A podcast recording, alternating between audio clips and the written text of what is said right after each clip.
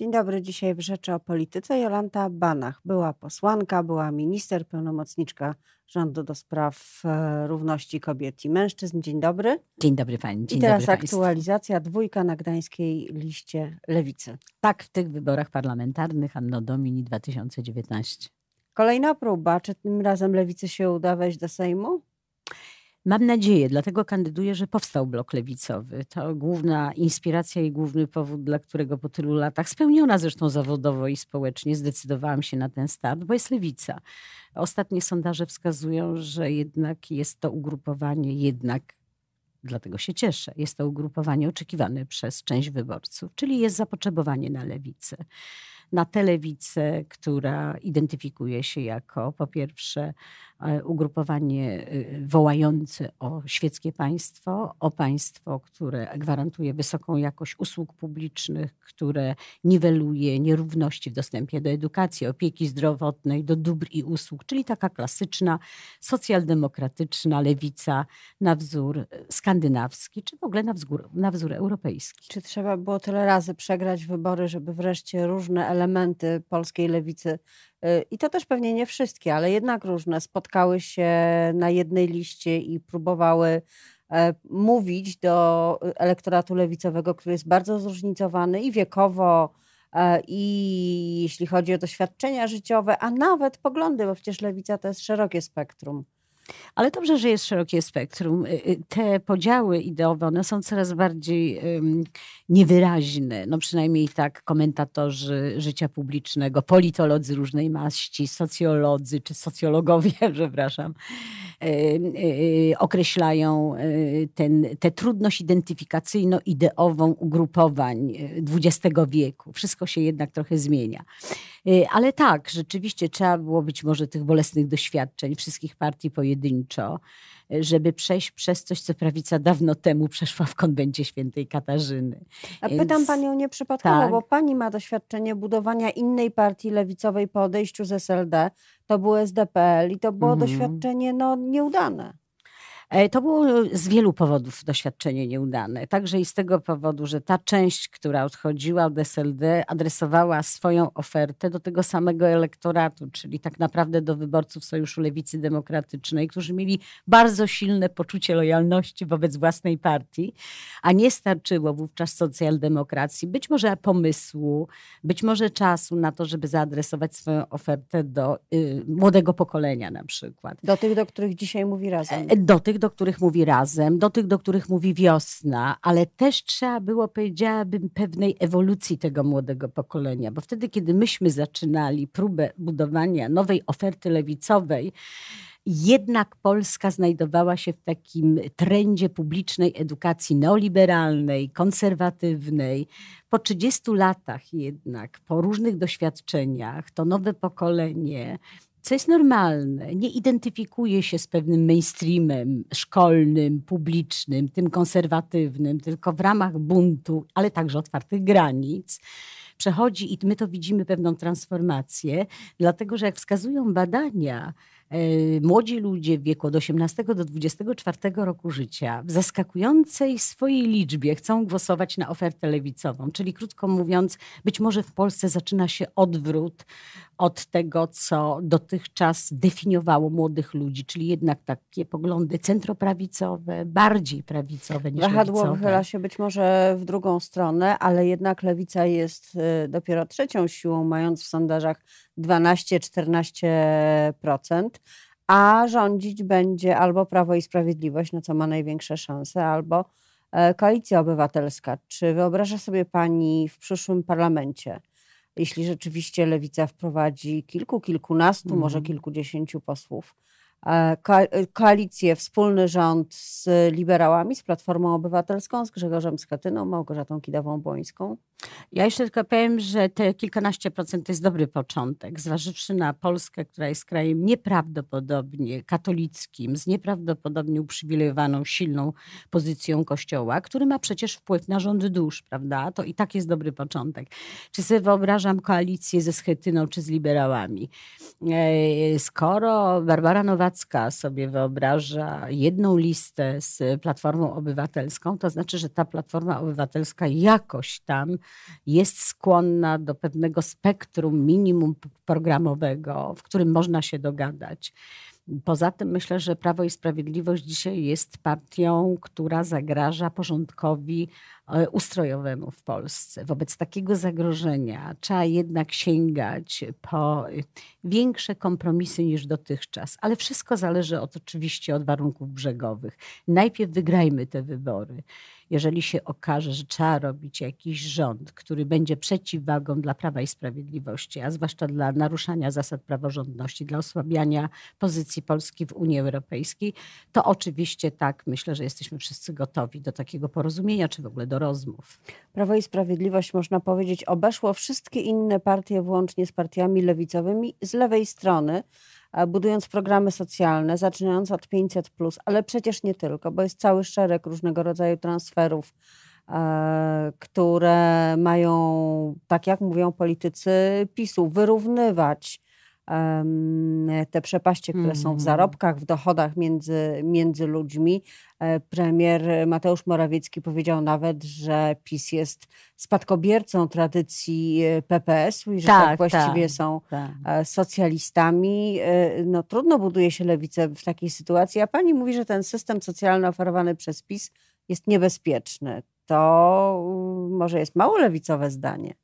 Jest taki stereotyp, że jak się y, prowadzi jakąkolwiek y, politykę redystrybucyjną, dosyć hojną i dużo się na nią wydaje, to to oznacza politykę lewicową. Nie każda polityka redystrybucyjna równa się polityka lewicowa z paru powodów. Dlatego, że Prawo i Sprawiedliwość te swoje transfery pieniężne robi zamiast czegoś.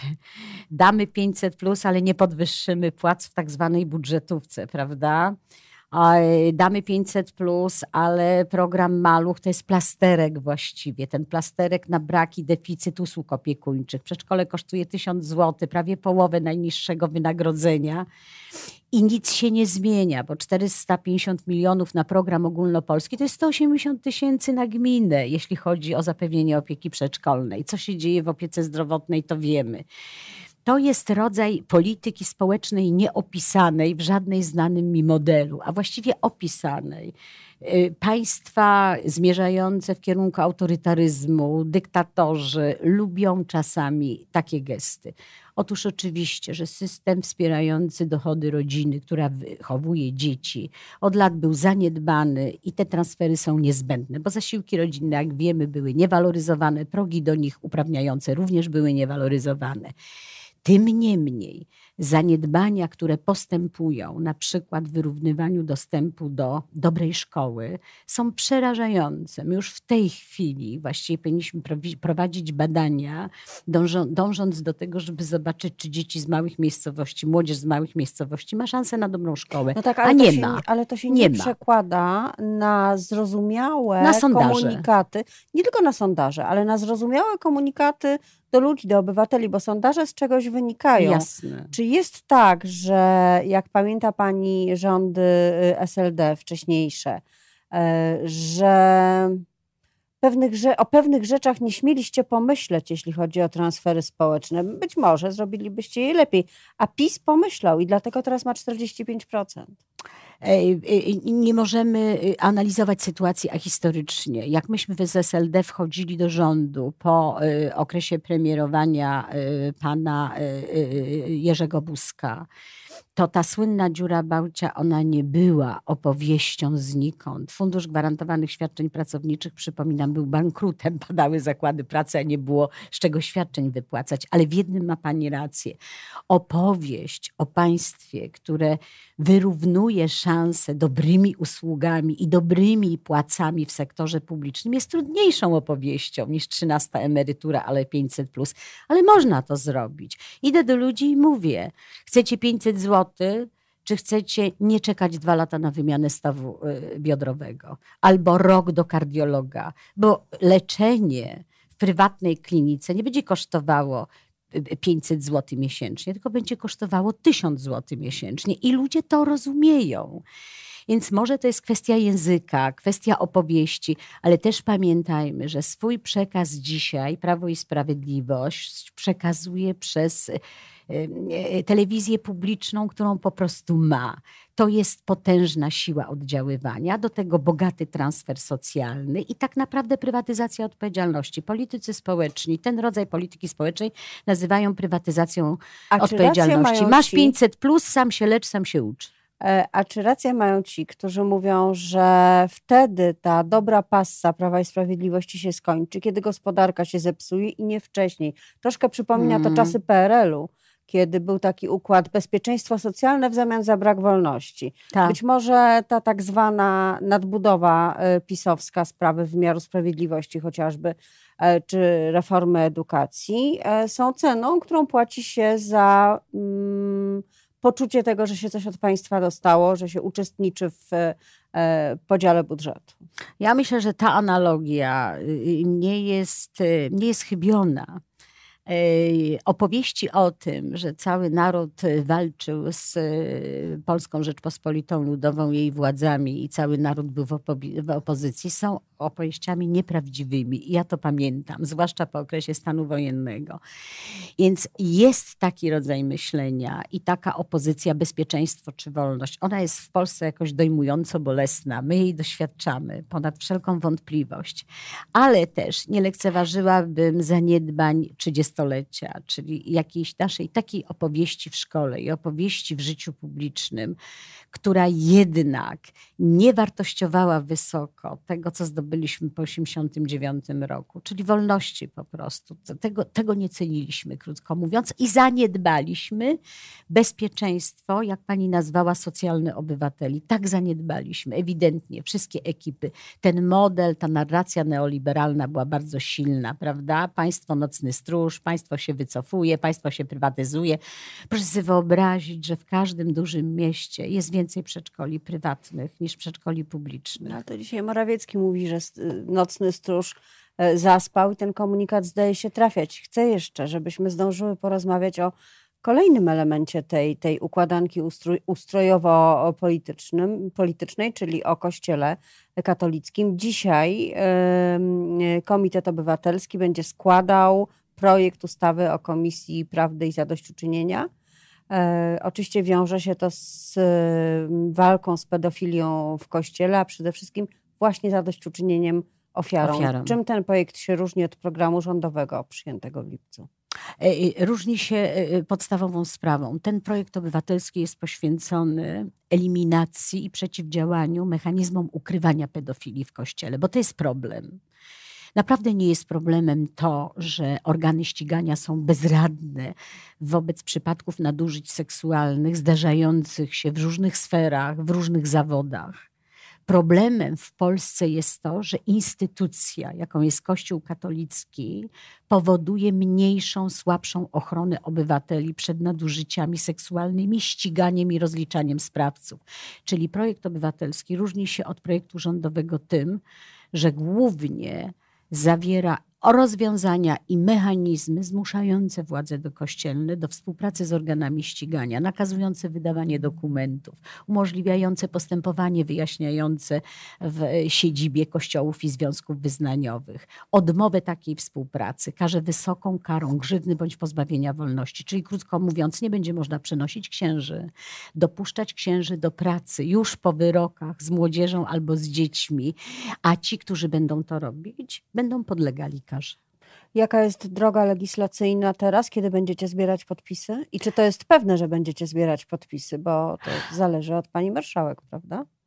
E, pani marszałek ma wyznaczony ustawowo 30-dniowy czas na zarejestrowanie bądź odmowę zarejestrowania komitetu, ale ona oczywiście musi być uzasadniona, potem można się od tego odwołać. W każdym razie, jak komitet zostanie zarejestrowany, pozostaje nam działaczom tego komitetu trzy miesiące na zebranie co najmniej 100 tysięcy podpisów. To jest naprawdę dużo w całej Polsce, proszę mi uwierzyć.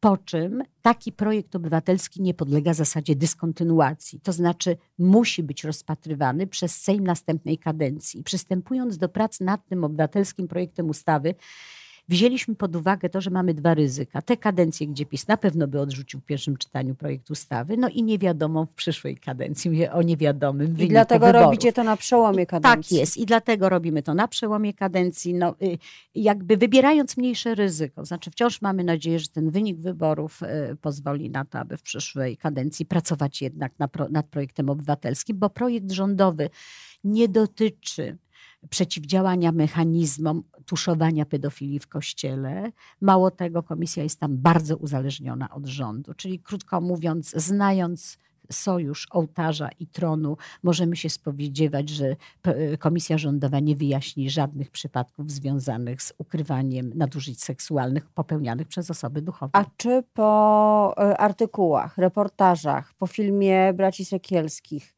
na ten temat, y, odczuwanie y, przez społeczeństwo, przez Polaków tej tematyki, tej krzywdy, która spotyka Jasne. ofiary, się zmieniło?